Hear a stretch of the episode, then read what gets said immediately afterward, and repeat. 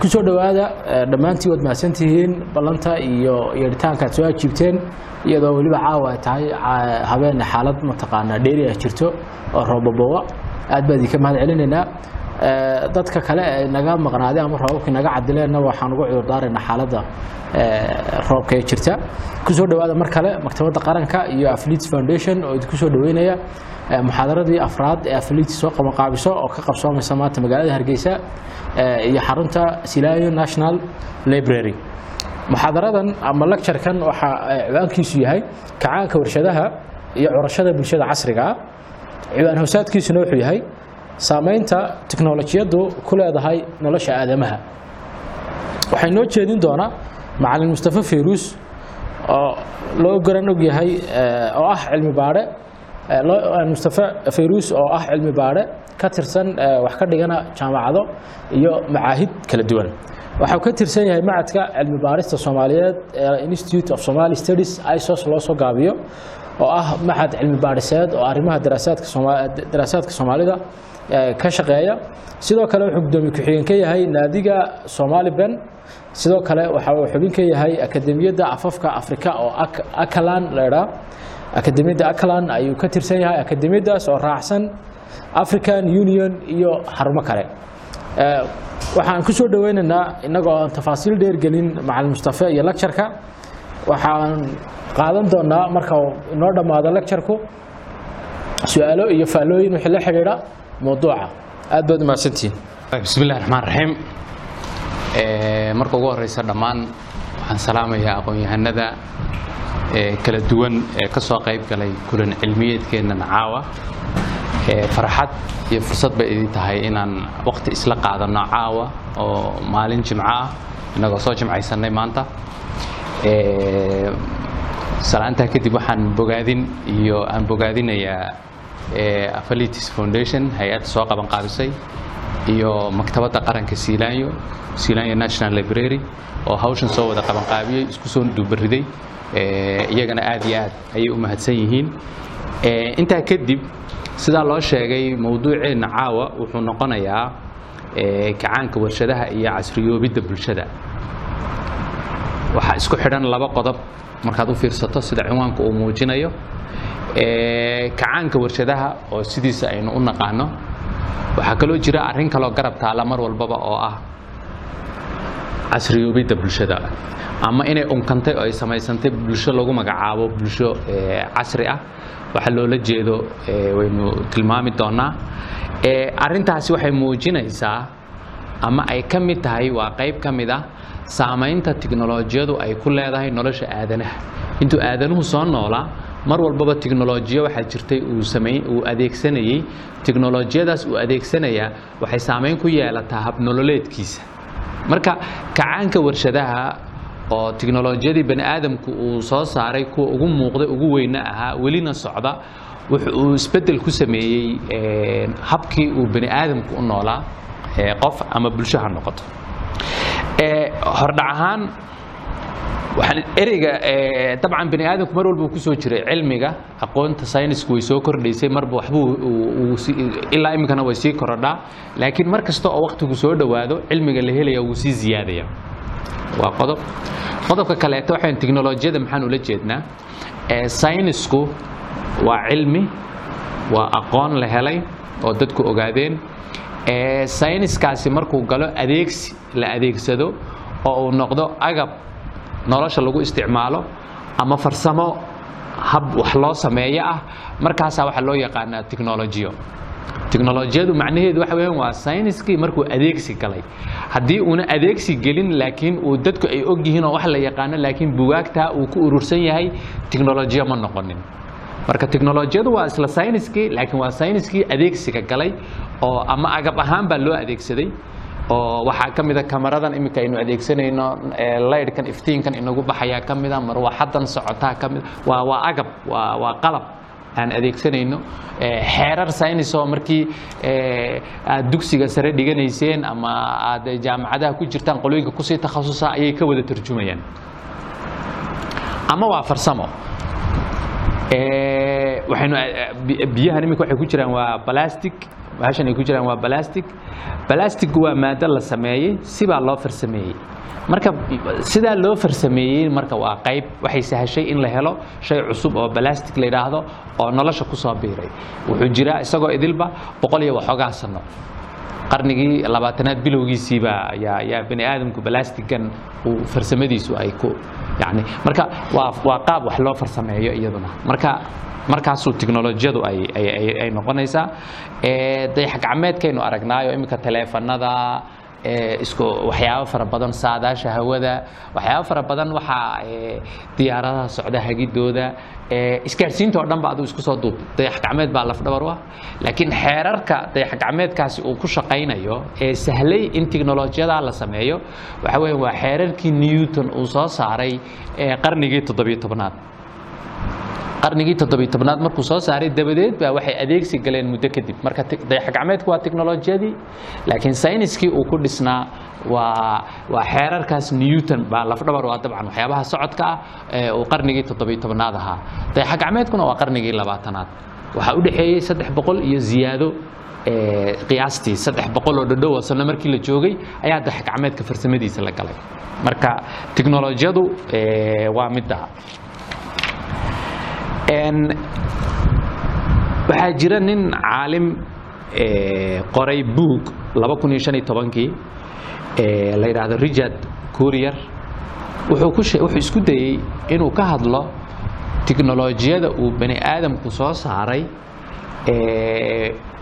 taariikhdiisii taxnayd nolosha bani aadamkana wax weyn ku soo kordhisay oo wax weyn ka bedeshay waxyaabahay bedelaysaan ka hadlaynaana waa habku bani aadamku u noolaa.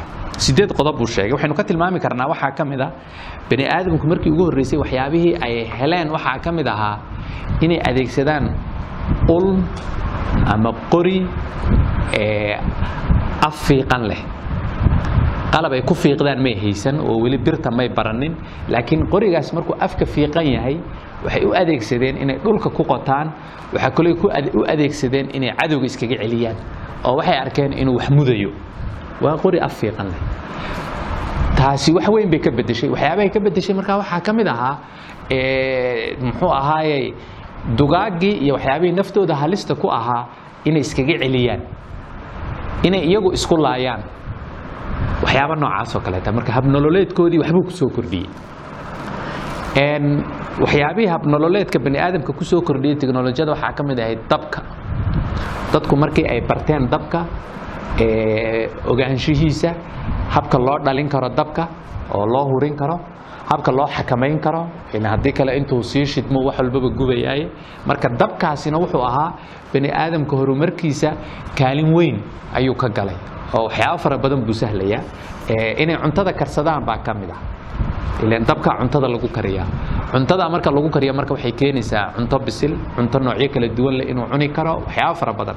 Waxyaabaha u sahlay waxaa ka mid ahaa in habeenkii haddii haddii xilliga dhaxanta ah in diirimaad laga heli karo. Xilliga madowga ahee habeenkii gudcurkii ah in iftiin laga heli karo.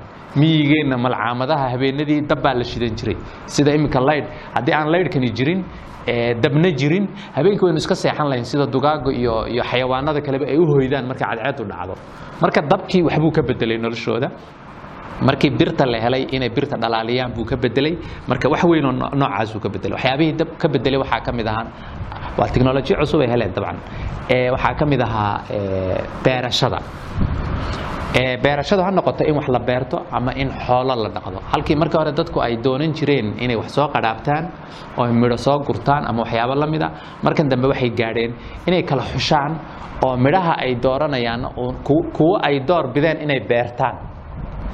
Marka awal hore waxay ahaan jirtay mugta sida shimbirtii inay subaxa ka waxay soo heleen. Iminka laakiin iyagaa beertoo kaydsada ama xoolo ay dhaqdaan oo xoolihii ay qaar ka mida marka hilibkoodii caanahoodii iyo waxyaabo la mida marka kayd bay yeeshay marka isbeddel weeyaan ku soo kordhay. Waxyaabaha kale ku soo kordhay waxaa ka mida gaadiidka isgaarsiinta. Teknolojiyada gaadiidka isgaarsiintu waxay sahashay inay dadku ay masaafo socon karaan oo masaafo intii hore ka dheer oo yani gaadiidka markaan leenahay yani intaanan gaadhi iyo diyaaradii aynaan ka fikirin gaadiidka waxyaabaha lafdhabarka waa waxaa ka mida shaaga ama taayirka marka bani aadamku markay ogaadeen giraan inay sameeyaan oo giraantaasi ay sahlayso in ay socon karto. Yacni waa waa waa waxaa lagu qiyaasa ilaa lix kun oo sano ka hor aduu dhowr kun oo sano ka hor in marka gaari iminka giraan la'aan socon karaa miyuu jiraa? Ma jiro. Haddii diyaaraddu ma duuli karto marka hore ma ordi karto haddayna lahayn. Marka marka waa tiknolojiyadaasina wax weyn ay aadanaha noloshiisa ka bedeshay waxaa ka mid ahaa isgaarsiinta oo ka mid ahaa qoraalku. Qoraalku wuxuu ka dhigan yahay hadda waan wada hadlaynaa waad imaqlaysaa laakiin waxaad ka soo qaataa qof inaga fog oo halkaasoon ina maqlayn. Hadalkii aan isnidhi haddaan u qorno loo geeyo wuu akhriyi karaa. Boqol sano dabadeed hadduu arkana wuu akhriyi karaa. Marka waa noocaas. Waxyaabaha kale waxaa ka mid ah waxyaabahan lagu magacaabo mashiinadan sida hufan u samaysan ama precision machinery. Waxaa ka mid a saacadda waxaa ka mid a mashiinadan wax shiidaya. Si hufan oo waxay u samaysan yihiin aan millimeter ka yarba cabirkooda uu ku socdaa. Marka taasina nolosha bani aadamka wax weyn ayay ku soo kordhisay. Waxyaabaha kaleete technolojiyada waxaa ka mid a digital computerka systemkan computerka. Marka qodobadaasi waa waxyaabaha ugu waaweyn oo markii la eego bani aadamka taariikhdiisa tiknolojiyadii noloshiisa wax weyn ka bedeshay waana tiknolojiyo qarniyaal shaqaynaysa ilaa imikana aan ka bixin nolosha. Waa laga yaabaa ushii fiiqnayd in ay ka baxday laakiin iyadoo bira in la fiiqdo uu bani aadamku gaadhay inuu gaadhay. Dabkii madaga iyo laga soo shidan jiray waxaa laga yaabaa inuuna sidii una aan u wada noqon. Laakiin isagoo kibriid iyo laga shidanayo ama laytarka laga shidanayo ama wax kale ay dhalinayaan. Laakiin weli dabkii ama isagoon la ololinayn laakiin birtii ay kululaanayso. Marka waa isla farsamadii. Taas waa qodob. Qodobka kaleeto oo muhiim ay tahay inaan hoosta ka xariiqno waxa weeyaan tiknolojiyadu bani aadamkaa sameeya markuu bani aadamku sameeyo iyaduna bani aadamkay saamaysaa ama noloshiisay qaabaysaa.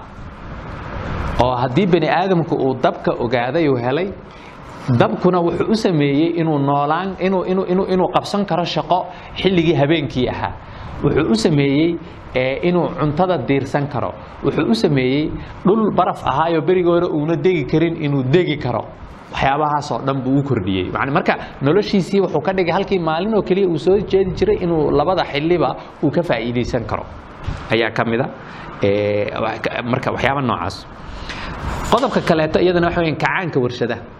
Kacaanka warshadaha waa taqaanaan. Kun toddoba boqol iyo lixdankii qarnigii sideed tobnaad bartimihiisi buu soo bilowday ingiriiska yurub iyo halkaasuu dabadeedna dunidu ku sii fiday. Qodobka laakiin aan hoosta ka xariiqayna isaga faahfaahintiisa waynu u tegi doonaaye saamaynta nolosheenna markaynu eegno in la yidhaahdo kacaanka warshaduhu mararka qaarkood waxay soo koobaysaa xajmigiisii saxna ma aha. Marka kacaanka warshaduhu ma ahayn kacaan warshado oo keliya laakiin halkaa waxaa isku sidkan kacaamo kala duwan. Waxaa ka mid kacaanka warshadaha waxaa ka mid kacaanka aqoonta iyo sayniska oo labadii boqolee sano ama saddexdii boqolee sano sayniska cilmiga sayniska inta ku korodhay laba boqol iyo kontonkii sano ee la soo dhaafay tusaale ahaan waxay ka badan tahay laba kun iyo shantii boqolee sano ee ka horreysay bani aadamku intuu cilmiga ogaaday. Ayaa marka waa waa waa kacaan kaleeto oo xoog leh. Waxaa ka mid a kacaanka culuumta bulshada. Sayniska maaha culuumta bulshada sida dhaqaalaha qaanuunka sociologiga ama cilmul ijtimaaca. Waa culuum kala duwan oo culuumta bulshada ka hadlaysa ama humanitieska taariikhda waxyaabaha maamulka iyo maaraynta waxyaabahaasi marka waxay qayb ka yihiin iyaguna waa kacaan weyn oo aqoonta bani aadamka markii la eego tusaale ahaan toddobaatankii sane ee u dambeeyey iyo muxuu ahaaye kunkii sane ka horreeyey inta uu soo ogaaday aqoontaasi iyo buugta laga qoray ayaa intaasoo jeer ka badan intii ka horreysay marka iyaduna waa kacaan kale oo garab socda waxaa ka mid a kacaanka maamulka iyo maaraynta bani aadamku inuu hawlihiisu way bateen tiradiisuna way badatay wuxuu u baahday inuu ismaamulo arrimihiisana maareeyo cilmi badan baa ka farcamay. Waad aragteen oo jaamacadaha kuliye badan oo maamulka. Sida shirkadaha loo maamulaa sida dowladaha loo maamulaa sida way sii kala duwanaatayba sida dad loo maamulaa sida warshad iyo qalab loo maamulaa qaybuu sii kala yeeshay. Qolooyinkiina bartayba aad u yaqaan. Waxaa ka mid a kacaanka kaleete fikirkii ideolojiyada. Maadaama bani aadamku arrimo badan uu la falgelayo fikirkana waa aad baa loo curiyey waxaa ka siyaasadda iyo arrimo badan buu marka saameyn ku yeelan doonaa. Waxaa ka mid a kacaanka magaaloobidda dadku way magaaloobeen aad bay magaalooyinka u soo degeen. Iyaduna waa waa wax kalo waxaasoo idil kacaanka warshadahay garab socdaan. Waa in isa saame kee ee, kan kee u dhalay yani waa waa doodbaa ka furmi karta laakiin waa wax isku wada sidkanoo iswada garab socda. Waxaa ka mid a kacaanka lagu ee, kororka tirada dadka tirada bani aadamku aad bay u korodhay. Kontonkii marka kacaanka warshaduhu dilaacayay waxaa lagu qiyaasaa tirada dadku inay ahayd ee, hal bilyan inay ka yarayd. Bilyan ayay ahayd. Toddoba boqoloo oo muxuu ahaaye oo milyan oo qof bay ahayd. Iminkana waa imisa? Waa toddoba dhibic sideed bilyan. Ya sideed dibic yaru jirtaa eeg waxaa ku jirta marka laba boqol iyo toddobaatan sano ah ayaa waxaa ku kordhay eh, toddoba bilyan iyo dheeraad. Intii ka horreysay oo bani aadamku soo jirayna haddii laysku soo dardaro bilyan way ka yareen toddoba boqoloo milyan bay. Ahayd kontomeyihii sane u dambeeyey labiyo tobankii sanaba hal bilyan baa kordha. Labiyo tobankii sanaba marka la eego hal bilyan baa ku soo kordhaysa tirada dadka. Marka waa waa kacaan kaleeto tirada dadkee batay. Dabcan tirada dadku markay bataan arrimahooga in la maareeyay u baahan doonaan waxyaaba fara badan baa ka dhalanaya waxaa ka mid a iyaduna eh, kacaanka lagu magacaabi karo habnololeedka iyo dhaqanka bulshada. Bulshadu see habkay u noolaanaysay eh, markii kacaanka warshaduhu nolosha uu sameeyey ee nolosha casriga aynu ku magacaabayno isbeddelka ku dhacay ka hor waxaa laga yaabaa eh, kun sano ama kun iyo shan boqol ama laba kun oo sano ka hor. Yani waxaad ka soo qiyaastaa iminka eh, miyigeenna meel miyiga oo bo- eh, konton kilomitr inoo jirta. Haddii uu soo baxo qof laba kun oo sano ka hor noolaa noloshooda isbeddel weyn ku arki maayo. Wax yar baa ka bedelnaanaya dharka iyo. Laakiin xoolihii la dhaqan jiraa la dhaqdaa. Dhirtu waa dhirtii beeruhu waa isbeddel weyn kama muuqdo. Laakiin markii magaalada la yimaado oo magaaladan iminka aynu joogno waxaad ka soo qaadaa qof miyiga ku koray oo isagoo labaatan jira yimaada magaalada wuu la yaabayaa laydhkan wuu la yaabayaa bugaagtan badan buu la yaabayaa marmarkan iyo daartan iyo waxoo idil buu baabuurteeda cararaysuu la yaabayaa marka mid baa magaalada soo galaa la yidhi markaas wuxuu arkay gaari weyn oo ee, macal remotekiisii wata oo haddana mid kaloo yaroo baabuurta yaryareed ee tagaasida oo daba cararay ararkaas beer wax dhalo wuxuu u qaatay kan weyn inuu kan yar dhalay oo uu uu ka cararayo. Ayuu u qaatay. Ilaan wuxuu arki jiru mogtay dadka weyn baa dadka yarna dhalay marka gaadhigan iyo xoolaha iyo xoolaha waaweyn baa yani sacaa dhalay weysha. Marka baabuurkan weyna isagaa kan yar dhalay un buu sidhi marka waa noocaa nolosha. Waxaa kaloo ku jirta iyaduna u baahan in hoosta laga xariiqo saamaynta aaladdu ay ku yeelanayso iyo kacaamada kala duwan aynu sheegnay nolosheenna waxay ku leedahay saamayn. Saamayntaasi mid taban iyo mid togan mid fiican iyo mid dhaliila bay noqonaysa waxyaabo eh, tiknolojiyada la'aanteed ma noolaan karno laakiin haddana tiknolojiyadu saamayn bay inagu leedahay taban. Marka waxaa looga baahan yahay bani aadamku sidii dhinacaa taban ee dhaliisha leh ama culaysyada leh ama khatarta leh siduu u maarayn lahaa. Dabka waynu adeegsanaa laakiin haddana khasaaraha ugu badan isagaa inoo geysto. Qofkuu naftiisa goyn karaa aqal buu gubaa hadduu ka kaco. Marka si loo maareeyo u yahay. Korontadana iminka inoo shaqaynaysa waa sidaasoo kaleeto. Markaas waxaad maqlaysaa suuq baa gubtay muxuu u gubtay? Wuxuu- waa waa- waa waxa weeyaan tash ka kacay leydh ayaa ayaa gubay. Marka sidii loo maarayn lahaa waa khatar baa mar kasta wehelisa. Marka sidii loo maarayn lahaana bani aadamka ayaa looga baahan yahay inuu la yimaado. Waxaa intaasoo dhan marka la isku soo daro nolosha casriyoobidda aynu tilmaannay waxay nooga baahan tahay inaynu fahamno.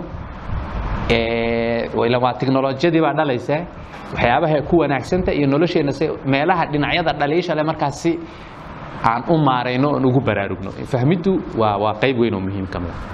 Intaa hordhac ahaan aan uga baxno. Kacaanka warshadaha aan u soo galno kacaanka warshaduhu maxaad ahayd? Kacaanka warshaduhu faahfaahin badan u geli maayo si kooban baan isu kortaagayaa iminka? Horta kacaan ma ahe waa kacaamo. Waxaynu naqaanaa kacaanka warshaduhu inuu soo bilowday kun toddoba boqol iyo lixdankii ama kontonaadkii ama toddobaatanaadkii marba sida loo yidhaahdo. Dhib male Ma- yani arrintani halkay ka bilaabatay waa waaba su'aal yari mar walbaba ka jiraysa. Ee, ee, ma- le- ee, waayo xilli inta lagu heshiiyey aynu bilowna ma jirto. Laakiin dhacdooyinkii la soo dhaafaa dib loo eegaa markaasa waxaa muuqata arrin weyn oo markaa bani aadamku teknolojiya weyn uu markaa helay inay nolosha wax weyn ka bedeshay markaasaa lagu magacaabay kacaan. Cilmiga bani aadamku wuu kordhaa. Maxaa xilliyada kacaanka curtay loo leeyahay oo kacaanka warshadaha dhashay loo leeyahay? Waxa weeyaan ee, cilmigu wuxuu iskaga socdaa si ee, siman qiyaastii. Laakiin marbaa waxaa muuqanaysa inta wax la ogaado inuu mar boodo. Booditaankaa uu booday haddana saamayn badan inuu nolosheenna ku sii yeesho. Haddana markuu muddo socdo haddana mar kale boodaya. Sida salaankii oo kale marka. Salaanka markaad tallaabo qaato haddana mar kaleeto aad muddo kaleeto iminka waynu soconnay halkan aynu dabaqanaynu soconayna haddana salaankaa kale markaynu gaadhno haddana sare aynu u kacayna. Marka sidaasoo kaleeto. Marka wax weyn baa dhacay oo nolosha isbeddel weyn ku sameeyey saasaa kacaan loogu magacaabay. Kacaan haddaad maqashid muddo kooban ayaa isbeddel weyn ku dhacay. Afar kacaanka warshaduhu waxa weeyaan afar kacaan oo isdaba yaalla kacaanka warshadaha ee hore wuxuu curtay uu bilowday lixdankii. Ingiriisku uu ka bilowday wuxuu ku fiday yurub. Wuxuu socday ilaa iyo afartankii. Wax kaloo weyn oo ku soo kordhay ma jirin. Kacaanka warshadaha ee labaad kaas kii koowaad baa lagu magacaabaa wax dambena isagaa dhali doona. Kacaanka warshadaha ee labaad wuxuu dhashay wuxuu bilowday isna kun sideed boqol iyo toddobaatankii wuxuu socday ilaa kun sagaal boqol iyo afar iyo tobankii markii dagaalkii koowaad ee adduunyadu uu bilowday. Dagaalkii koowaad ee adduunyadu wuxuu hakiyey yacni in teknolojiyo cusub la abuuray. Intii horun baa la adeegsanayay. Adduunyadu meel kale ay ku jeedsatay iyada isku mashquulshay kacaanka warshadaha ee saddexaad wuxuu bilowday isna kun sagaal boqol iyo toddobaatankii ama sagaal iyo lixdanka dabayaaqadoodii waa markii kombiyuutarku uu galay adeegsiga nolosha dadweynaha kacaanka warshadaha ee afraad dhowaan buu dhashay waa laba kun iyo shan iyo tobankii. Laba kun iyo tobankii wixii ka dambeeyey waa laba kun iyo shan iyo tobankii. Waxay ku kale afartaa kacaan waxay kale yihiin marka ee dabcan saan u sheegnay teknolojiyadu ma inagu daba soconnaa waana sayniska wixii adeegsi galay aqoonta sayniska wax badan baa ku soo kordhay laakiin inta adeegsiga gashuun baan mar walbaba tilmaamaynaa. Kacaanka warshadaha ee koowaad ee ingiriiska ka curtay waxaa lafdhabar u ahaa ee helitaankii steam engineka ama mashiinkan ku shaqeeya uumiga. Mashiinkan ku shaqeeya uumigu bani aadamku uumiga hore wuu u yaqaanay oo waa cuntadaba karsan jiray. Laakiin meeshan waxaa ka soo kordhay arrin cusub. Waxaa la idhahdaa bani aadamku wuxuu ku baraarugay sirtii dheriga dherigu uu u sheegi jiray. Haddaad u fiirsataan shaaha marka la ka- la karsanayo marka uu soo karo keligu muxuu sameeyaa? Daboolku wuxuu bilaabaa inuu yar dhaqdhaqaaqo soo ma? Ha dheriga haddii disti wax lagu karsanayo markii cuntadu ay soo kululaato ay soo muxuu ahaa heer ay gaadho daboolku wuu dhaqdhaqaaqaa marka waxay u baahataa mararka qaarkood in dhagax la saaro. Daboolku haddii cuntooyinka qaarkood oo sida shuurada oo kaleeto iyo ama soorta oo kaleeto iyo haddaan la celin waxa laga yaabaa inay inay tuurto eh, daboolkaba marka sirtu waa maxay? Meesha ku jirtaa sirta ku jirtaa waxa weeyaan tamartii uumigu uu huwanaa ayaa waxaa loo rogi karaa dhaqaaq ama socod. Ayaa loo rogi karaa.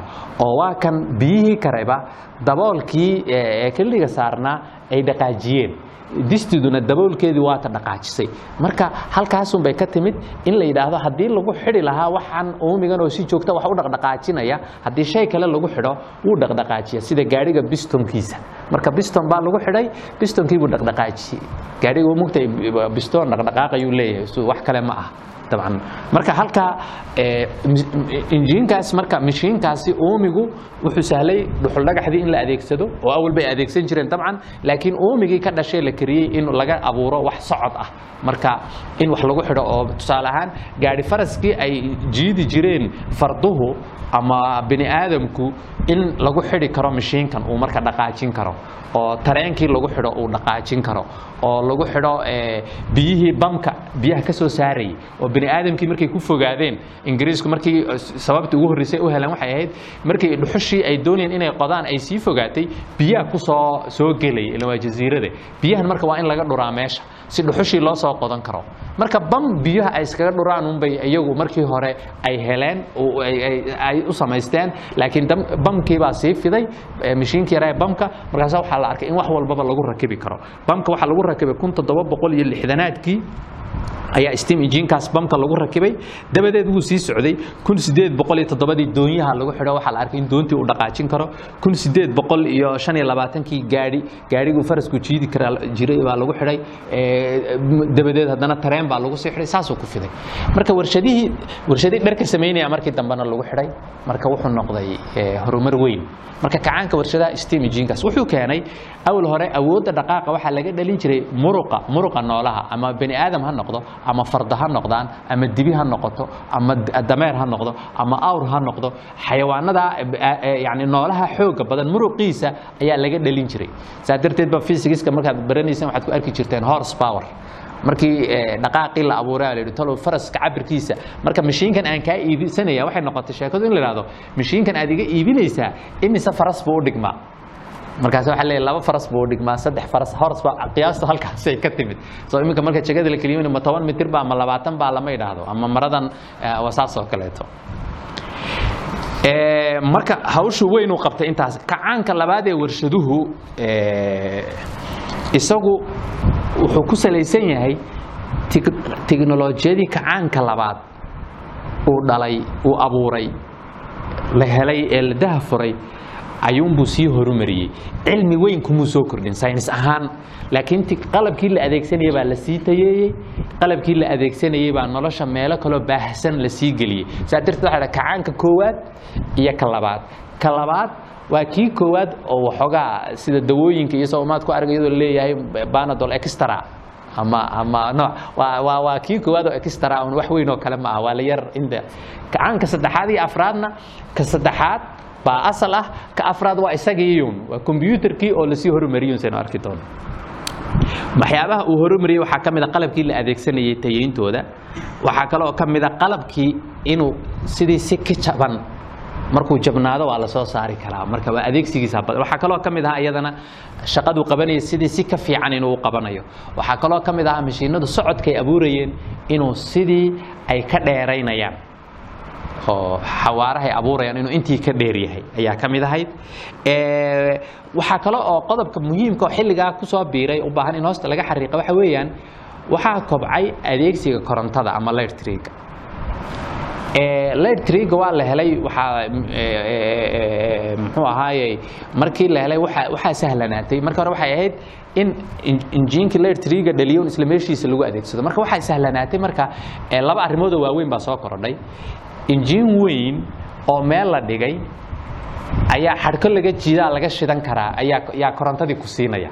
Yani waa korontada baahinteedii adeegsigeedii ayaa la baahiyey marka taasi waxay sahlaysaa waxaad ka soo qaadaa iminka magaalada aqal kastaa generator ma iibsan karaa ma iibsan karo. Laakiin shirkad eh, tusaale ahaan shirkaddan leyrhka ina siinaysa sompower kale ka soo qaad sompower baa generatorro waaweyn meelo dhigtay.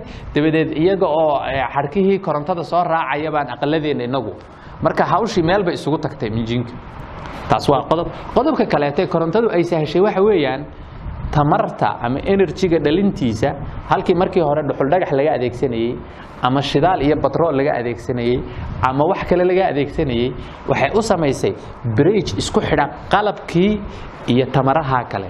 Oo waxay noqotay injiinkani markuu ku shaqeeyo dhuxul dhagax isagaa socod dhalinaya. Korontadu marka waxa weeyaan markaad hesho marwaxadan bay dhaqaajinaysaa gaadhi bay dhaqaajin kartaa qalabka lagu shaqaysto oo dhan iyadaa wadaysa marka waxay u noqotay bridgekii isku xidhayey em, a- a- energy-ga haddii dhuxul dhagax laga helo iyo haddii benziin laga helo iyo haddii nuclear laga helo iyo nooc kastoo laga helaba uma baahna in mashiin gaar ah loo xidho. Wuxuu u baahan yahay un eh, generatorka korontada dhalinaya inuu enerjiga kuwaas uu ku shaqeeyo laakiin korontada marka qalab koronto ku wada shaqeeya laba boqol iyo labaatan volt ah baynu wada haysanaa. Laakiin korontada sompower ay keento qaar waxay ka dhalisaa na- eh, injiino naafto ku shaqaynaya qaarna waxay ka dhalisaa cadceedda.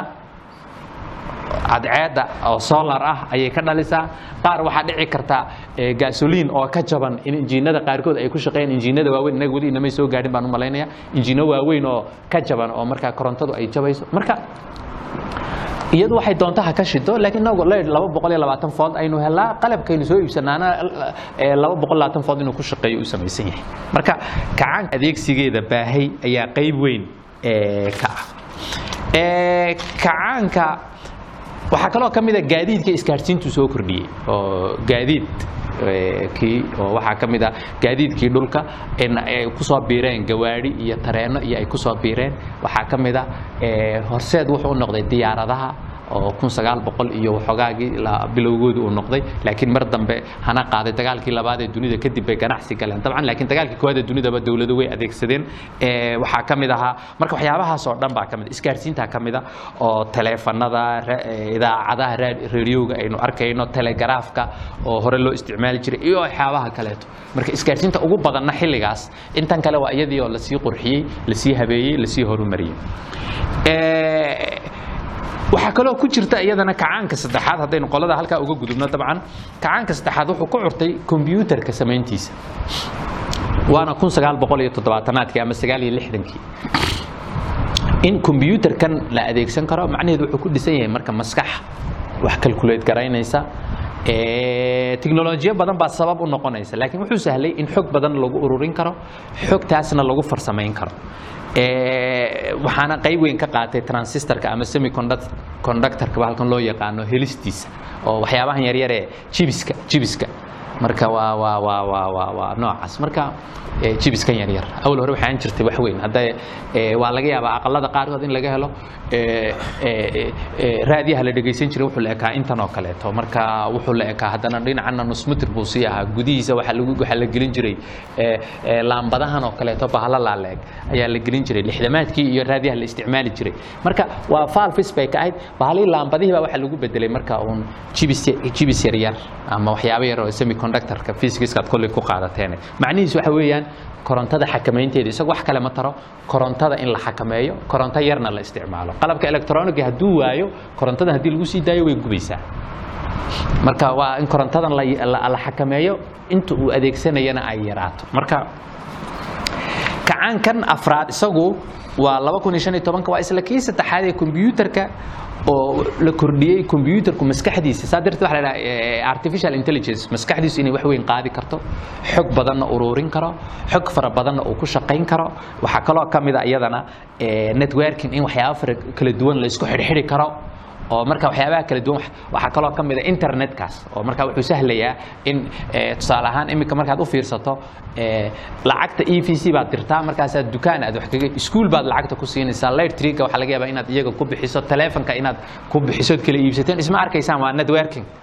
Marka isku xidhkaasi waa wax weyn qayb weyn buu ka noqonayaa iyo qayb kaleeto inaga inaan hadda gelayno biotechnology in xataa bani aadamka laftir noolaha marka tiknolojiyadii iyo waxaa la yidhahdaa kacaanada hore waxay ku salaysnaayeen tiknolojiyada oo gaar ah ee aadanuhuna gaar buu ahaa. Iminka laakiin kacaankan afraad waxaa isdhexgelaya aadan noolaha iyo tiknolojiyada marka waa laga yaabaa iminka waxaynu aragnaa mobilekan ba waxaan gelinaynaa memory yar markaasaynu wax ku download garaynaynaa ama aynu wax kala soo degaynaa soo ma? Waxaa dhici karta muddo kadib markii tiknolojiyadu ay sii socoto qofka wixii maskaxdiisa ku jira in jiib yar oo lagu shubi karo la sameeyo.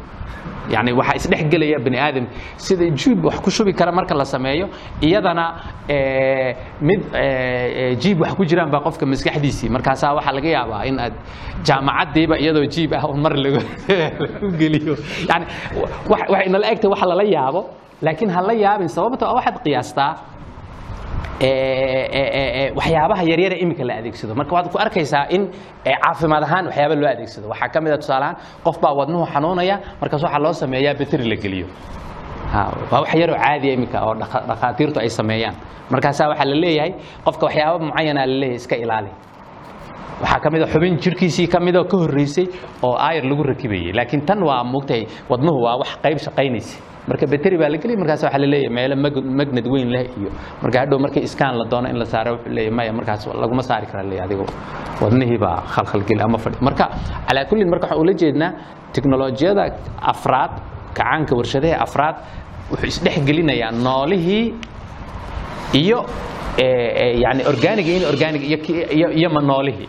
Marka waa iminka dhankaa ulama soconno oo wuxuu iska leeyahay khatar oo waxaa ka mid a masalan waxyaabo akhlaaqda ah oo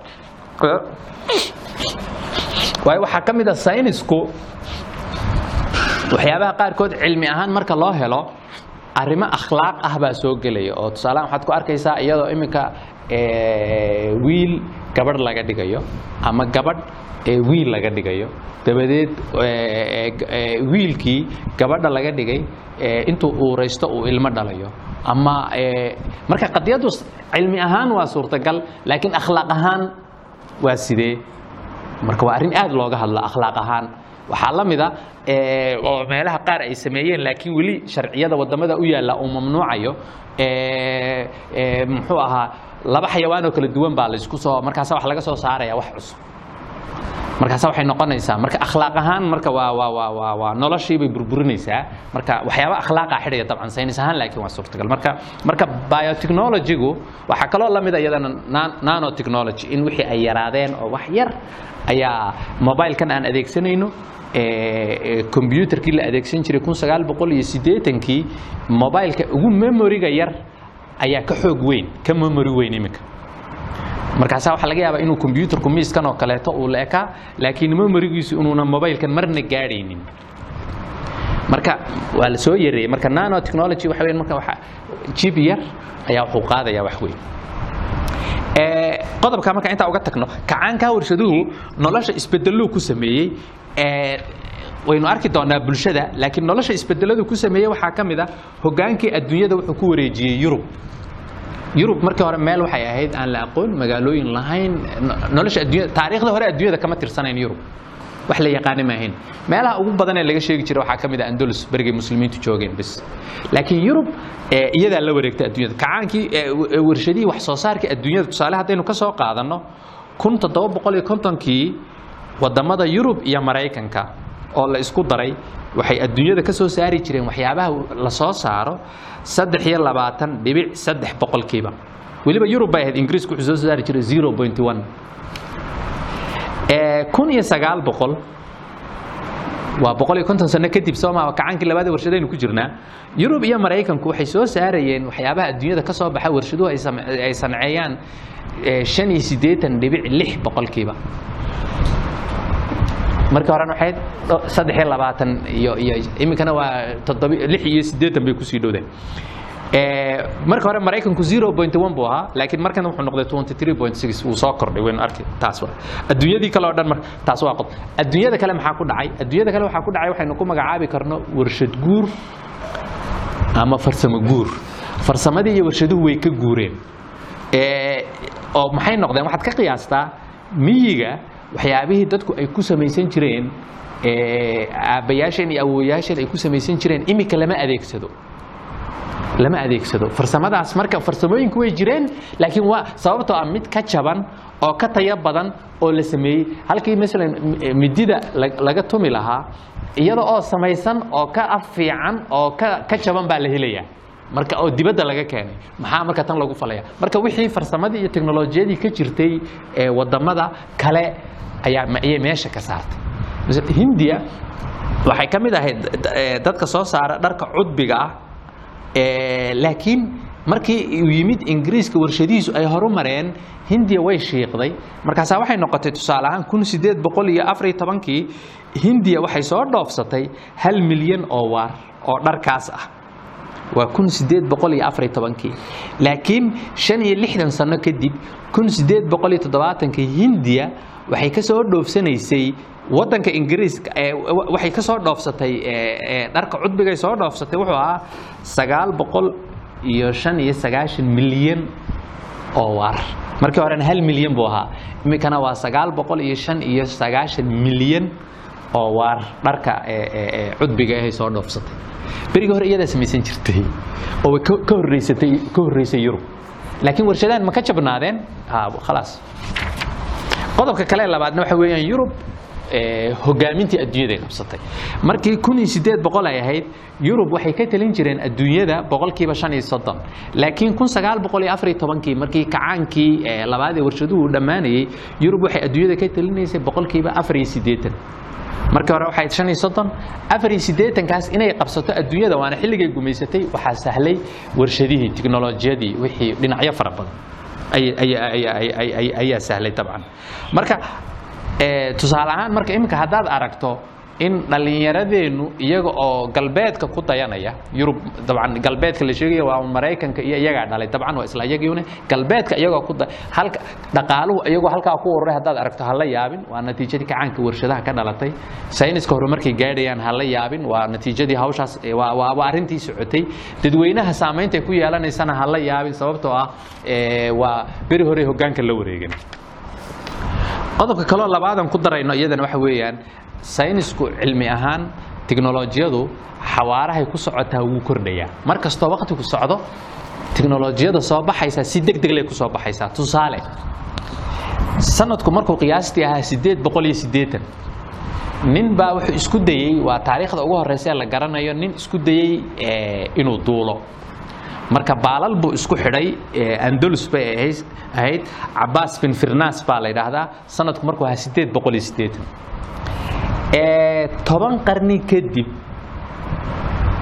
yani waa fikra mogtay waa shimbirtii la jilayay toban qarni kadib ayay arrintii bani aadamku ku guulaysteen oo diyaarad la sameeyey. Waa kun sagaal boqol iyo saddexdii markii right brothers ay diyaaradda sameeyeen. Waxaa u dhexeeya marka qiyaastii toban qarni. Waa masaafo dheer soo maaha bani aadamku marka uu ku fikiray haddaynu ka bilowno inuu ninkaasi cabaas bin firnas ninkii ku fikiray bani aadamku inuu duulo ahaa iyo kuwii suurtogeliyey oo right brothers ahaa toban qarni baa u dhexaysay laakiin waxaad qiyaastaa markii diyaaradda la sameeyey saddexdii dabcan mar dambey sii hana qaadi doontaa laakiin markaa tiknolojiyaan ay u soo baxdun baynu ka bilaabaynaa lixdan sano dabadeed bani aadamku wuxuu ku guulaystay dayax gacmeed intuu raaco inuu uu tago muxuu ahaayey dayax gacmeed inuu raaco.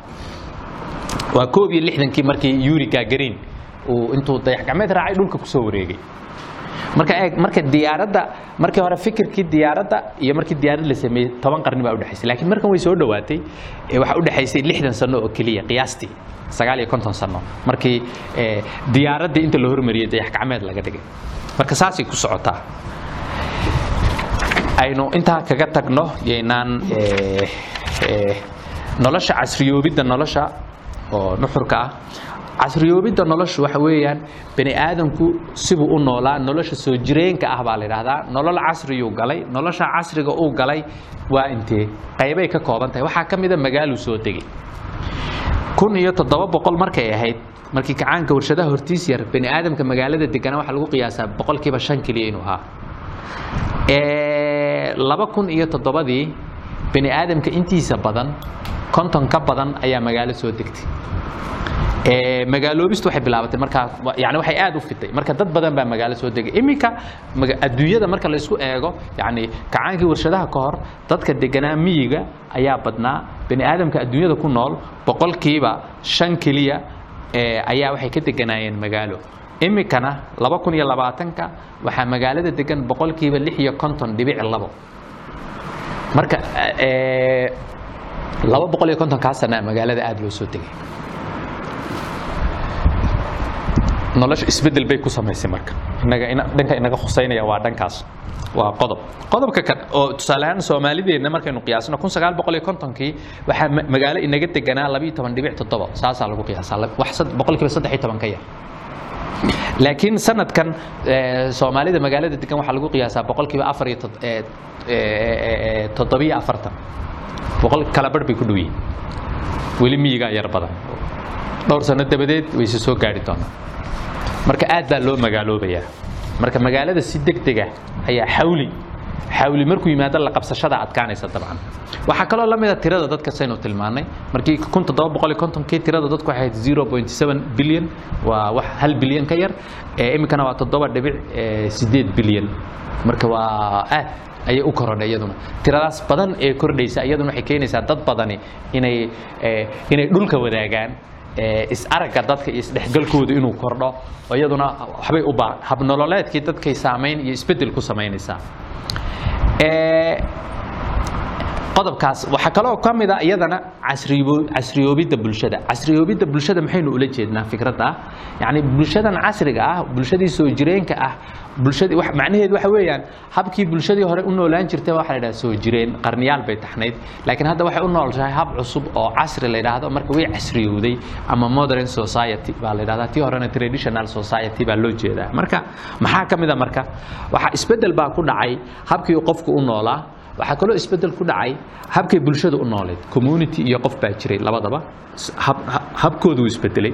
Tusaale ahaan awoodda waxaa lahaa caadada iyo dhaqanka dadku caadada iyo dhaqankay ilaalinayeen. Laakiin marka loo yimaado bulshada casriyowday awoodda waxaa iskale xeer. Saa darteed miyiga iminka haddaynu tagno dadku bilays kama cabsadaan waxay ka cabsadaan ceeb. Sidaa darteed haddaad dib u raacdo qof adeerka ama kuugu beegan oo la yidhaahdo miyiga wuu ka tegey oo wuxuu tegey ama kenya ama east africa ama meeluu tegey meelo kaluu tegey maxaa dhacay? Waxaa laga yaabaa in la yidhi beri buu neef xaday joogis uma hadhin mar hadduu inuu berigaa uu neef xaday. Marka xataa ma- magaalooyinka u dhow oo dhan ina hebel baa neef xaday baa adduunyadao dhan ku sheekaynaysaa. Marka ceebtu ilaa iminka miyiga waa ceeb ceebta waa la iska ilaaliyaa. Laakiin magaalada marka la joogo waxaa la iska ilaaliyaa boliisku yuu ku qaban maxkamadda yaan lagu geynin marka xeerkaa la iska ilaaliyaa. Marka casriyoobiddu waxay la mid timid xeer. Saa darteed waxaa ka mid a markii bulshadeenna dhibaatooyinka jira aynu ka hadlayno marka magaalada laga hadlayo haddii la doonayo in la maareeyo waa in xeerar iyo cid qabata loo sameeyo. Haddii taraafik qabtaa uuna jirin waddada maxaad u tallowday? La odhan maayo qofka. Waayo eh, laakiin miyiga sidii laysku ogaa si ka uma dhaqmi karo. Waxaa kaloo ka mid ah bulshada miyigu bulshada soo jireenkee hore waxay ahayd mujtamac lagu magacaabi karo marka carabiga lagu sheego mujtamac taraaxumi yacni adeega aad u baahan tahay waa lagula qabanayaa lagaa iibsan maayo. Haddii beer aad qodanayso guus baa la yidhaahdaaye waa lagula wada qabanayaa waa lagula qodayaa ama markii la tumayo beerta waa lagula samaynayaa oo la soo goynayo iyo waxyaabahaas oo dhan lacag lagaa qaadan maayo. Waa ceeb. Aqal hadduu dhisanayo bulshada meesha degan oo dhan baa la dhisaysa lacag ka qaadan maayaan. Laakiin magaalada marka la yimaado aqal haddaad dhisanayso walaalka oo dadka aqalka dhisaya ku jira yoomiyihiisa waad siinaysaa. Yoomiyihiisa waad siinaysaa. Muxuu yoomiye iga qaatay? Waa walaalkay odhan maysid. Waa dhaqanka magaalada. Miyiga laakiin walaal baad sheegaysaa inta meesha wada degani lacag ma kala qaataan. Waa ceeb. Wax ma kala iibsadaan yani Ha, marka labada mujtamac baa kala duwan oo noocaas ah. Waxaa kaloo ka mid a kaalintii bulshada iyo qoysku ayaa yaraanaya mujtamaca casriga ah. Waxaa awood yeelanaya laba dowladda iyo suuqa. Bulshada iyo qoysku iyagaa noloshaada saamaynayay oo gabadha aad guursanayso qoyska yaa yaa yaa kuu ogolaanshahooga ama dooristay qayb ka lahaayeen. Bulshadu markaasaa waxay odhanaysay tusaale ahaan ee, iyaduna qayb bay ka noqonaysay. Gabadha aad dooranayso iyo gabadha gayaankaaga noqonayso iyo bulshada aa- magaalada marka loo yimaado maya dowladda iyo suuqa xukuma. Oo maxaa ka mid a gabadha aad dooranayso? Ee dhaqaalaha aad haysato iyo suuqa maxaad uga soo iibin kartaabaa saamayn ku leh. Miyiga sidaa ma ahayn. Ee, waxaa xukuma dowladda oo tusaale ahaan qofka dhallinyarada miyiga waxaa shaqo u abuuri jiray waalidkood qoyskooda. Xoolo iyo beero iyo waxay leeyihiin. Iminka laakiin waxaa waxbaraya jaamacad dowladda iyo iyo iyo iyo ma- iyo ama suuqa. Jaamacadda hadday private tahayna waa suuq. Haddii ay dowlad gacan ku haysana waa dowlad. Laakiin labadaba waa isla tacliintii moogtahay shaqada yaa kuu abuurayaad ka sugaysaa? Ma inuu ee, waalidkaa ku abuura maya? Ama dowladdaa shaqada abuuraysa ama suuqa? Suuqaad u shaqo doonanaysaa? Xaafadiina u shaqo doonan maysid laakiin miyiga ka jooga xaafadoodunbaa shaqo u abuuraysa. Ceeb baa ahayd inuu reer kale tago ma reerkooda xoolo waa leeyahay markuu dad kale xoolo u raacayo. Marka iyaduna waa mid waxaa ka mid ah miyigu ilmaha iyagaa barbaarin jiray magaalada waxaa barbaariya si guud iskuullo iyo waxbarasho oo kacaanka warshadu wuxuu abuuray wax lagu magacaabo mass mass production. Marka mass education waa in dadkii si mass wax tiro badan.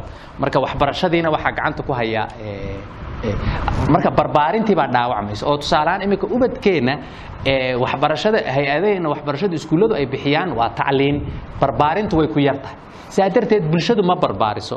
Iyagu marka waxaa ka waxaa ku dhacaya dhibaato weyn barbaarintaas wiiqmaysa oo waxaa ka mid ah haddaad u fiirsatay bulshadeenna imika waxaa haysta wiilka labaatan jirka ama toddobiyo toban jirka ah iyo aabbihiisa eh, eh, dhowr iyo so- afartan jirka ah inay isfahmaan mushkilaa ka taagan. Suu timaha u feedho suu timaha u jartay dharka uu xidho way isla qabsan la'yihiin waxa weeyaan ilmahan waxaa barbaariyey bulsho kale odaygana wuu dhalay ee muu barbaarin markaasaa waxay dadkii barbaariyey markuu uu tallaabadoodii raacay buu la yaaban yahay. Waayo waa nolol cusub. Waxay ahayd mogtahay inaan u samayno ubadkeenna xaggeen ku barbaarinaa oo loo sameeyo. Ma jirto. Yacni waxbarasho way jirtaa laakiin barbaarin ma jirto. Waxaa barbaarinta meelo yar ku sii hadhay ciyaalka xaafaddu markay wada ciyaarayaan. Badanaas oo lama dhaliilo. Laakiin intaas iyagaa aysa. Waxaad ka soo qaadaa ciyaalka xaafaddu markay wada ciyaarayeen haddii ay daawadaan t v xataa iyagu ismay afgarteen laakiin ciyaalkan xaafadda ee iswada ciyaaraa iyagaa wax- waxyaabaha ceebtale iyagaa isu sheega. Marka barbaarintii waa meelaha yaryar ee dadka waaweyn ay saluugsan yihiin laakiin keliya lahayaba taasna waa mid. Waxaa ka mid a eh, waxyaabo noocaas oo kaleeta ah ee noloshu isbeddel badan baa ku jira oo casriga ah inaha kale doodahaynu ku gogoosan doonaaye casrigu isbedelku keen waxay keentay in noloshii la fahmi waayo. Marka nin sociologist ahoo beri dhexdaasa wuxuu ka qoray buwaag fara badan oo ku magacaabay fluid modernity buwaag fara badan oo saas. Marka wuxuu ka dhigay inay noloshu la mid tahay dareere. Dareeruhu marba meeshuu ku jiro qaabkiisa yeeshaa meel loogu soo hagaago ma laha marka waa nooca laakiin miiskan meel loogu soo hagaago le haddaynu berri u soo noqonnona miisku isagoo sidii un baynu imanaynaa. Laakiin biyo god ku jira haddaynu u tagno berri iyagoo sidii u iman mayno. Haddii eh, biyahani aynu weel kale ku shubno qaabkii kale ay qaadanaya noloshu marka saasoo kaleeto. Marka wuxuu ku magacaabay laba shay. Eh, wuxuu ku magacaabay eh, waa dareere qaab go-an ma leh marba sibay leedahay. Waxaa kaloo ku jirta waa nolol cid hagaysa aan la aqoon. Marka waxaad ka soo qaadaa diyaarad ama gaadhi aad saaran tahay oo xawaare ku socda cid hagaysaana ayna jirin. Nolosheenna yaa haga iminka? Cid hagaysa lama yaqaan. Reer galbeedku xataa ma hagaan dowladihii wuu ka tambadiyey dowladihii isaga ka tambadiyey marka la- marka waa wax aan lahayn marka halis buu ku jiraa inuu shil galo maadaama cid hagaysa ayna jirin. Ee globalization baa jira iyaduna globalizationku adduunyada isku furantay markaasa waxay keenaysaa in dhacdooyinkii si xoog leh ay iskula socdaan waan yar dedejinayaa globalizationku labadii arrimood ee gaadiidka iyo isgaadhsiinta ahaabaa dhalaya oo isgaadhsiintu waxay keentay in muxuu ahaayey adiga iyo tusaaleahaan halkana waxaan soo geliyey eh, war. Adiga iyo qofka new york jooga iyo ka jooga australia isku mar baad helaysaan. Timekii meesha masaafadii meesha way ka baxday. Masaafadii idiin dhexaysay way ka baxday. Awal hore magtay xogtaasi inay muddo u socotay ahayd iminka ma jirto markii baa la wada hayaa. Marka xogtaa kale markaasaa waxaa abuurmaya noloshu inay isa saamaynayso tusaale aynu soo qaadano globalizationkii. Waxay iska noqotay marka in la yidhi markii hore tuulo yar dabadeed aqal. Haddana waxa la yidhi adduunyadu waxay sii noqotay aqal way ka yaraato qol. Iminka waxaa leeyahay maya qolba ma ahe ee ee adiga iyo qofka maraykanka jooga isku qofun baaba tihiinba oo meel idiin kala baxsanba ha adduunyadu waxa weeyaan facebook haddaad leedahay shan kun oo qofood saaxiib la tahay ma magaaladay kula degan yihiin may kulama deganaa meelo kala duwan bay kala xageed isku aragtaan isma taqaanaan. Laakiin saaxiib baa tihin waa istaqaanaan qaar aad doodaan baa jira qaar aad isku shushubataan baa jira qaar aad sheekada isku si u wadaan baa jira. Waa ka marka waa caalam virtual ah oo degan waa glo- globalizationka tusaale waxaan ka soo qaadanaynaa saddex arrimood oo waaweyn. Saamaynta degdega uu ku leeyahay. Yacni waxa dhaqaaqaya dadkii iyo badeecadii keliya maaha waxa soconaya. Waxaa soconaya fikraddii iyo xogtii iyo dhaqankii markaasaa tusaale barnaamijkan tiktok ee adduunyada iminka ay ka qayliso ee ee aad loo adeegsado wuxuu waxaa la launch gareeyey September 2016 afar sano gudahood laba kun iyo lix iyo tobankii September soo maa ilaa August laba kun iyo labaatankii August waa waa bishan imika un inaga dhamaatay. Ee dadka adeegsadaa waxay ka badnaayeen waxay gaadheen hal bilyan tiro ka badan. Afar sano gudahood buu wuxuu ku gaadhay hal bilyan oo qof. Waa adduunyada marka la eego ee sid- sideed bilyan bay ku socotay soo maaha? Waa hal bilyan oo qof ayuu ku gaadhay. Mu- muddo kooban guda boqolkiiba shan iyo toban baa adduunyada adeegsata. Waana waa afar sano gudaheed. Haddaad ka soo qaado waa taas waa dhinacii dhaqanka soo maha markaasaa dowlado badan ka cabaadeen ee siya- ee siyaasadda haddaad u tagto waxaa jiray kacdoonkii carbeed wuxuu da- dhacday yar oo tunis ka dhacday disembar laba kun iyo tobankii oo wiil dhowriya labaatan jira oo kaaryoone khudaarta ku iibiya u isgubay ayaa waxay sababtay laba sano gudahood in kacdoon ka dhaco sagaal iyo toban dal oo carbeed iyo wadamo kaloo si u saameeyo aan carab ahayn shan dal oo ka mida si xoog laba uga dhacay. Afar dal oo ka mida wuxuu bedelay hanaankoodii siyaasadeed oo xoog weynaa. Masar libiya yaman iyo iyo su- ee, shanta uu xooga ka dhacay mise kuwa sameeyey afartu xukunka kooda bedelay suuriyana waa wadanka shanaad. Waxaa ku dhintay koob iyo lixdan kun oo qof tiro ka badan.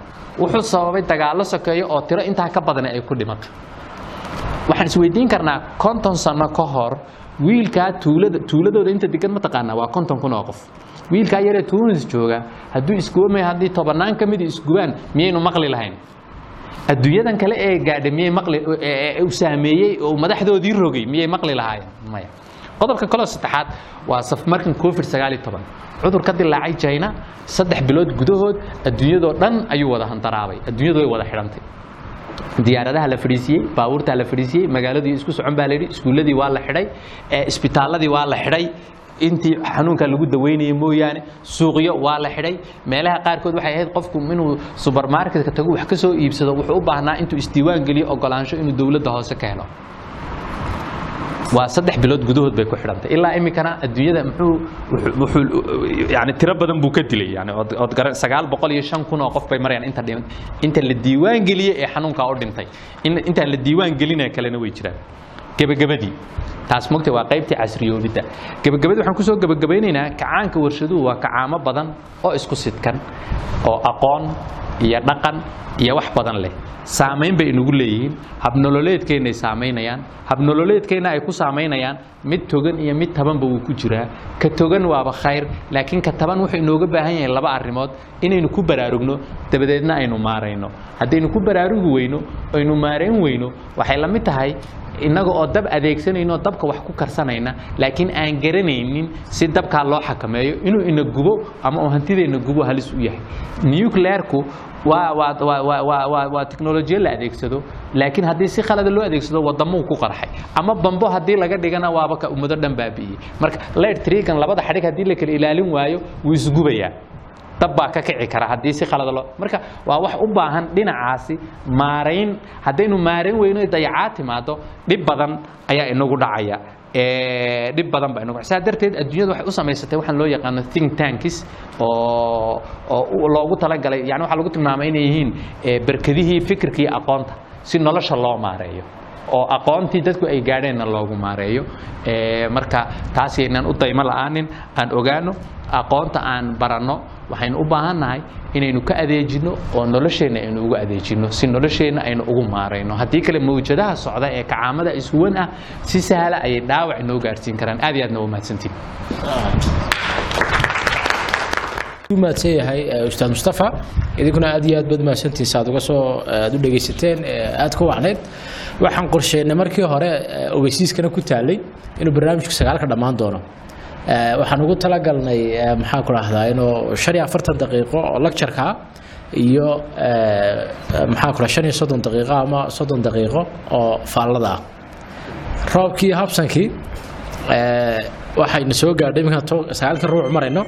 Marka waxaan jeclaan lahaa inaan faallooyinka sii dayno iyo su'aalaha laakiin aan soo koobno si aan wakti badan aanay nooga cunin ama dad badan a meel fogu hoyanaya aanay eh, habsaamin ku soo dhawaada cibdi eh, su'aal ama faallo ku daraysa bismillaah awalan asalaamu calaykum waraxmat ullahi wabarakaatu salaamaya aqoonyahanka mustafe dhammaan dhallinyarada quruxda badan lee ka soo qayb gashay dooda cilmiyeedkan iyo bahda mataqaanaa sirayn library. Haddaan su'aasheeda u galoon soo koobo aqoonyahanka waxaan weydiinayaa horta sida fiicana waan uga mahadnaqayaa faalada badan iyo cilmiga ku dheehan yahay uu noogu soo bandhigay. Su'aasheedu waxa weeye waxaad ka hadashay aqoonyahan saamaynta ay tiknolojiyaddu ama cilmiga farsamada dunida ku soo kordhayaay au ku leeyahay mataqaanaa bulshada magaalowga. Een, innagu soomaali ahaan waxaan dadka ugu saamaynta badan leh hadda saan dareensanahay sanadadan dambe waxaa tiri waxyaalo positivena way leedahay negativena way leedahay. Laakiin waxaad moodaa inaga dhalinyarteena soomaalida ama ummaddeena soomaaliyeed weliba dhalinyartu ay badan tahay inay saamaynta negative inagu badan tahay. Maxay noqon karaan talooyinka ama tusaalooyinka waxyaalaha aanu kaga hortegi karno? Ama maxay noqonaysaa saamaynta ugu ballaaran ina gaarsiin doonto mustaqbalka? Sidayna nagu hortegi karnaa insha allah tacaala. Su'aasheeda waa inta. Waxaan dhammaan ardaydoo dhan. Aqoonyahanka waxaan waxaan weydiin lahaa muddo intee leeg bay ku qaadanaysaa? Waddamada aan samaysan warshadihii waxaa inay ku samaysaan? Inay warshadihii waxaasoo kale saasaan eedhigi Een, ustaadka waan u mahadnaqaynaa. Ee, hadaljeedintiisa kabacdi waxaan weydiin lahaa waxaad tilmaamtay akhlaaqiyan saameynta teknolojiyaddu ay ku leedahay mujtamaca sidoo kale tolodiiniyan intee in leeg bay teknolojiyaddu saameyn ku leedahay Di- diiniyan ha. Diiniyan see ma la aqbali karayaa teknolojiyaddu haddii ay saameyno yani weecsan ama khilaaf ku ah ama didi ku ah een, aaminaadda diimeed een, dadku ma aqbali doonaan waa talo u taalla dadku iyo hoggaankoodu inay say u samayn lahaayeen qodobada aan mid mid isu kortaago anagoo soo koobaya dabcan waqtiga iyo roobowga dartood. Dhallinyarada saamayn taban ama bay badan bay ku leedahay. Sideen u xallin karnaa horta markaynu halkaa joogno qodob muhiim ah waa inaynu isla qirnaa oo aan isaga laga labalabayn sababtoo ah xalkuu hordhac u noqonaya. Waxa weeyaan ee, tiknolojiyadu waxa weeyaan waa badweyn soo fatahday. Badweynta ma celin karno laakiin waan maarayn karnaa. Tusaale ahaan ma celin karno markaan leenahay teknolojiyada la'aanteed ma noolaan karnaa.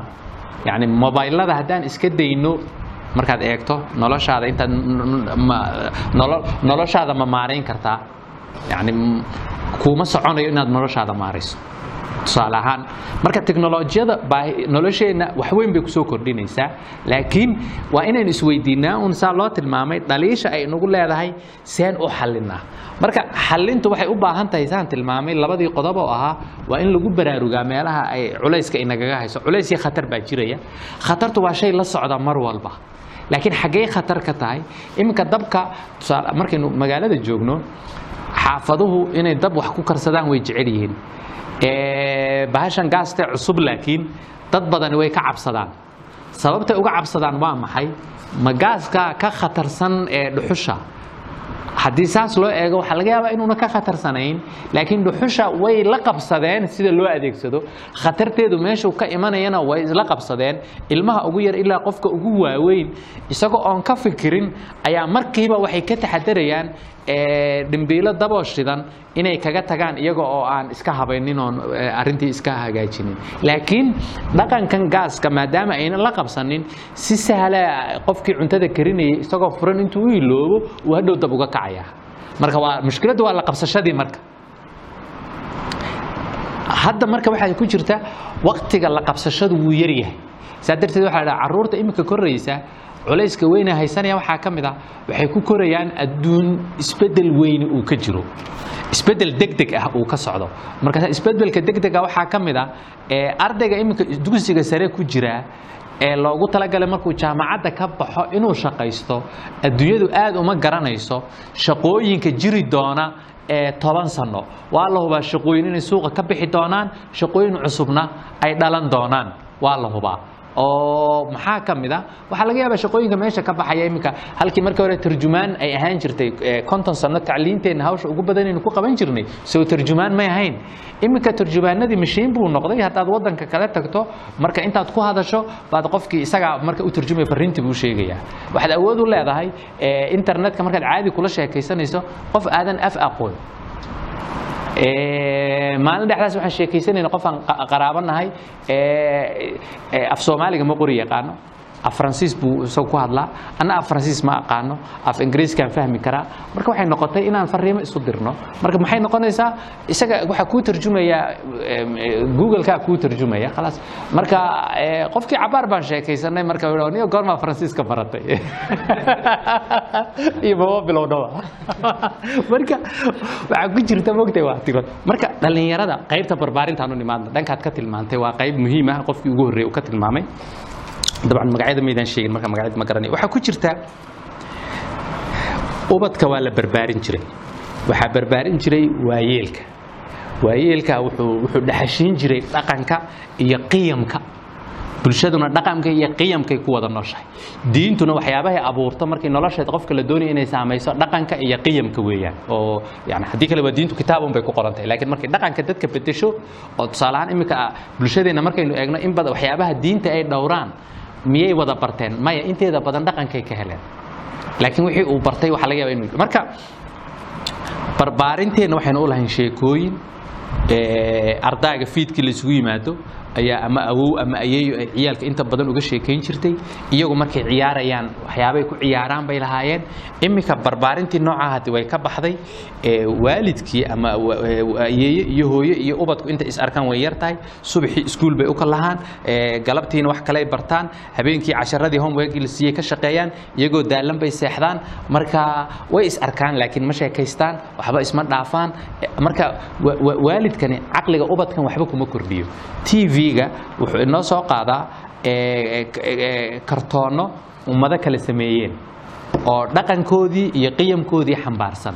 Musalsalo iyo filimo ummad kale ay sameeyeen oo dhaqankoodii iyo qiyamkoodii xambaarsan. Marka mushkiladda dhacaysa waxa weeyaan waxaa imanaya halkaa waxba way kala go'ayaan labadii jiil. Waxay u baahan yihiin marka in lagu shaqeeyo iyadoo la adeegsanayo habkan casriga ah waa inaan ka fikirnaa ubadkeenna seen u barbaarinaa.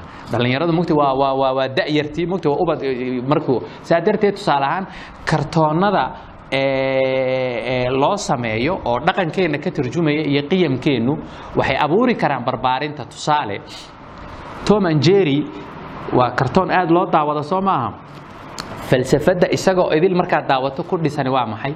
Tom and jerry bisadan iyo jiirkan bisadan iyo jiirkan isdhibaya muxuu ahaa midna waa xariif midna xariif ma aha. Markaasaa waxaa kuu soo baxaysa intaasoo jeer baa kan aan xariifka ahayn ee marbaa arrintii maarayn karila aduu marka dambe qofka qofka xariifka ah baad marka dambe yaad la jiraysaa. Kan doqonka ah xataa gar buu leeyahay hadda waa laga gar daran yahay bisadii laga gardarnaayo jiirku ka gardarnaabaad adigu jiirka gar siinaysaa. Wuu ka yar laakiin markaad u fiirsato sheekadeennii aynu lahayn ee dhegdheer waxay ku tusinaysaa ma aha qof caqli badan iyo qof aan yani caqli badni iyo caqli yaraan ma ma tartansiinayso. Waxay tartansiinaysaa khayr iyo shar. Markaasaa sheekadu waxay ku soo dhammaanaysaa sharkii oo laga guulaystay inkastuu awood badnaa dhegdheer inkastoo ay jirtay markaasaa hablihii ay dhashay ayaa waxay ka qayb qaateen inay dhegdheer dilaan si ay si ay khayrka iyo wanaagga iyo xaqa ay ugu hiiliyaan oo ay ilmuhu ku barbaarayaa marka. Marka waxay u baahan tahay haddaynaan samaynin tom and jerry buu daawanayaa markaasaa waxaa loo arkayaa qofka yani qof baa qof khiyaameeyey ka wax khiyaameeyey ma gardarna ka la khiyaameeyey miyuuna caqli lahayn markii la khiyaameynaya baa lagu odhanaya markaa hadhow marka bulsho waxaa soo baxaysa inaad iska wada ilaaliso mooyaane waa lagugu wada maqan yahay. Yani waa qiyamka. Halka ay ahayd ceebkan muxuu u khiyaameeyey kan kale la garaye inagu imika waxaynu canaanaynayna ka khiyaameeyey laakiin tarbiyada uu soo saaray tom and jerry waxa kii la khiyaameeyaa la canaananaya.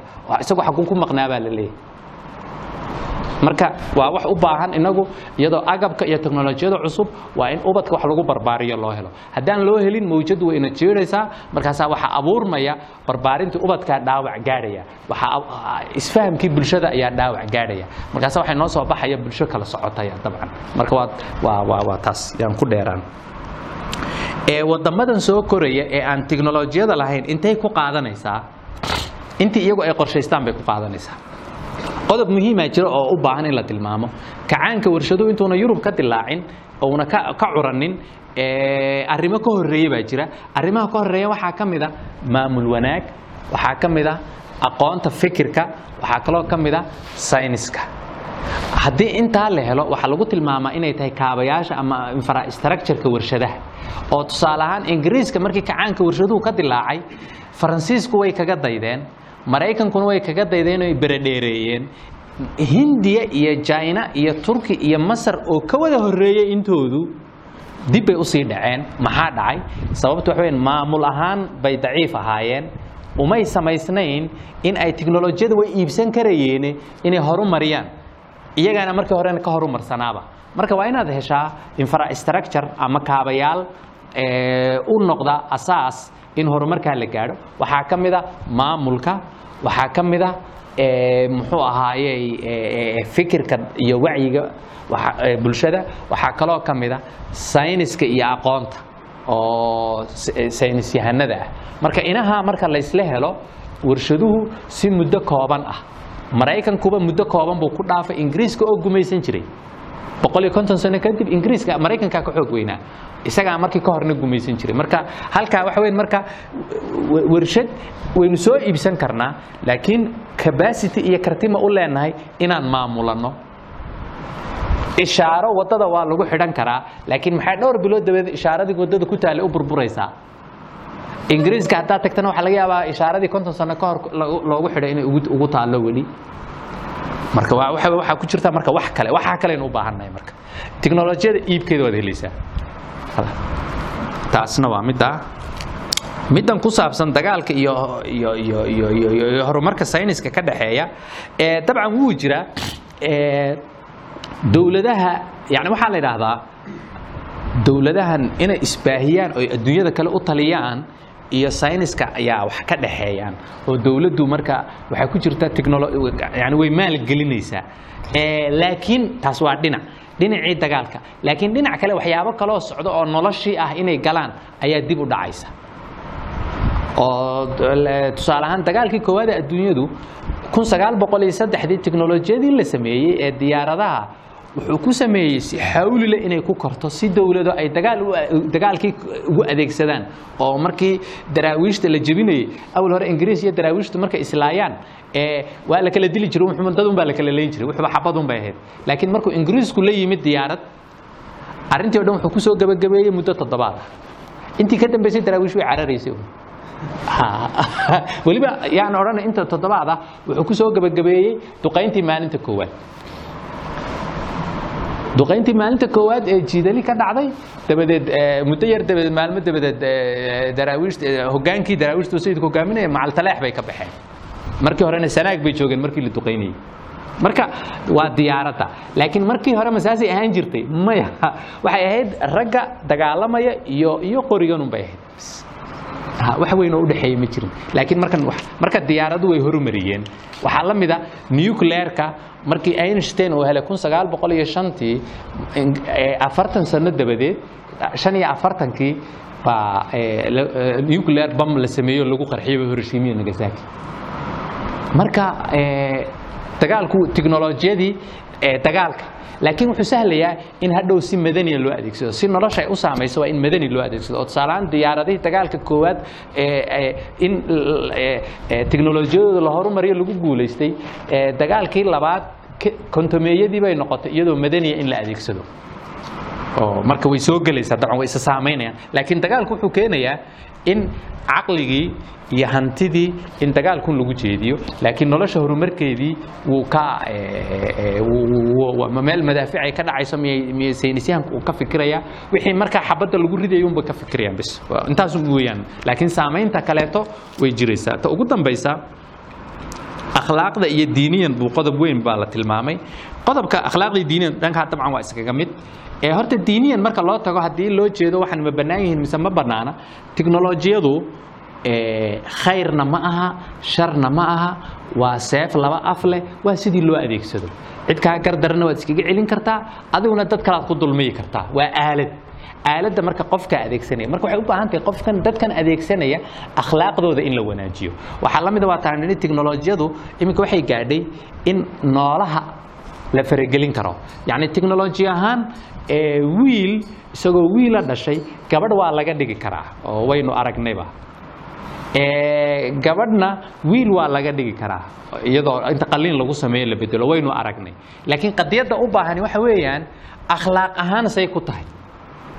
Marka halkaa waxa weeyaan akhlaaq yani noloshu akhlaaqda kama maaranto. Haddii noloshu bilaa akhlaaq ay noqoto way isburburinaysaa yani nuclearku waa energy weyn oo adduunyadu ay heshay bay ahayd. Wuxuu ka dhigay wax jaban. Saa darteed korontada adduunyada iminka laga isticmaalo boqolkiiba toban waxaa laga soo saaraa nuclearka. Way way jaban tahay aad bay u jaban tahay farsamo ahaan. Laakiin akhlaaqdu markay xakameyn weyday waxay sababtay akhlaaqdii markay xakameyn weyda waxay sababtay maraykanku inuu laba magaalo hiroshima iyo nagasaki midba mid ku dhuftuu burburiyo Eg, akhlaaqda xakameyn lahayd. Akhlaaqdu markay xakameynayso markaasa waxay keenaysaa. Marka halkaa waxa weeyaan eh, akhlaaqdu waa qodob weyn oo muhiim ah oo waa midka hagaya nolosha. Tiknolojiyadu iyadu eh, akhlaaq ma leh waa aalad waxay ku xidhan tahay qofka adeegsanaya. Marka bani aadamku marka halkaa wuxuu u baahan tiknolojiyaduna waa inay korto. Laakiin haddii akhlaaq la waayo tiknolojiyadu nolosha bani aadamkay burburinaysaa. Marka waa wax u baahan akhlaaqdu mar walbaba in nolosha lagu kabo. Eh, aad iyo aadna u mahadsantihin Ee, waxaad kala socon doontaa barnaamijkan oo duuban. Dadka maxaa ku dhahdaa halka fadhiya inay ku ceshadaan raba. Iyo ciddii naga maqanba waxaan ugu bashaareynaa inay ka daawan doonaan youtube-ka iyo meelaha wax laga dhegeysto sidoo kale waxaa jira muxaadarooyin kuwa ka horreeyey oo isla youtube ku jira. Iyo barnaamijyo kale oo la xidhiidha mawaadiicdan wixii kara- ee, karaankeenna iyo tamarteenna aan ku soo celcelin doonaa muxaadarooyin ama laksharo ee, mawaadiicdan iyo kuwo kaleba la xi- la xidhiidha. Aad baad mahadsantihiin habeen wanaagsan. Wasalaamu calaykum waraxmatullahi wabarakaatu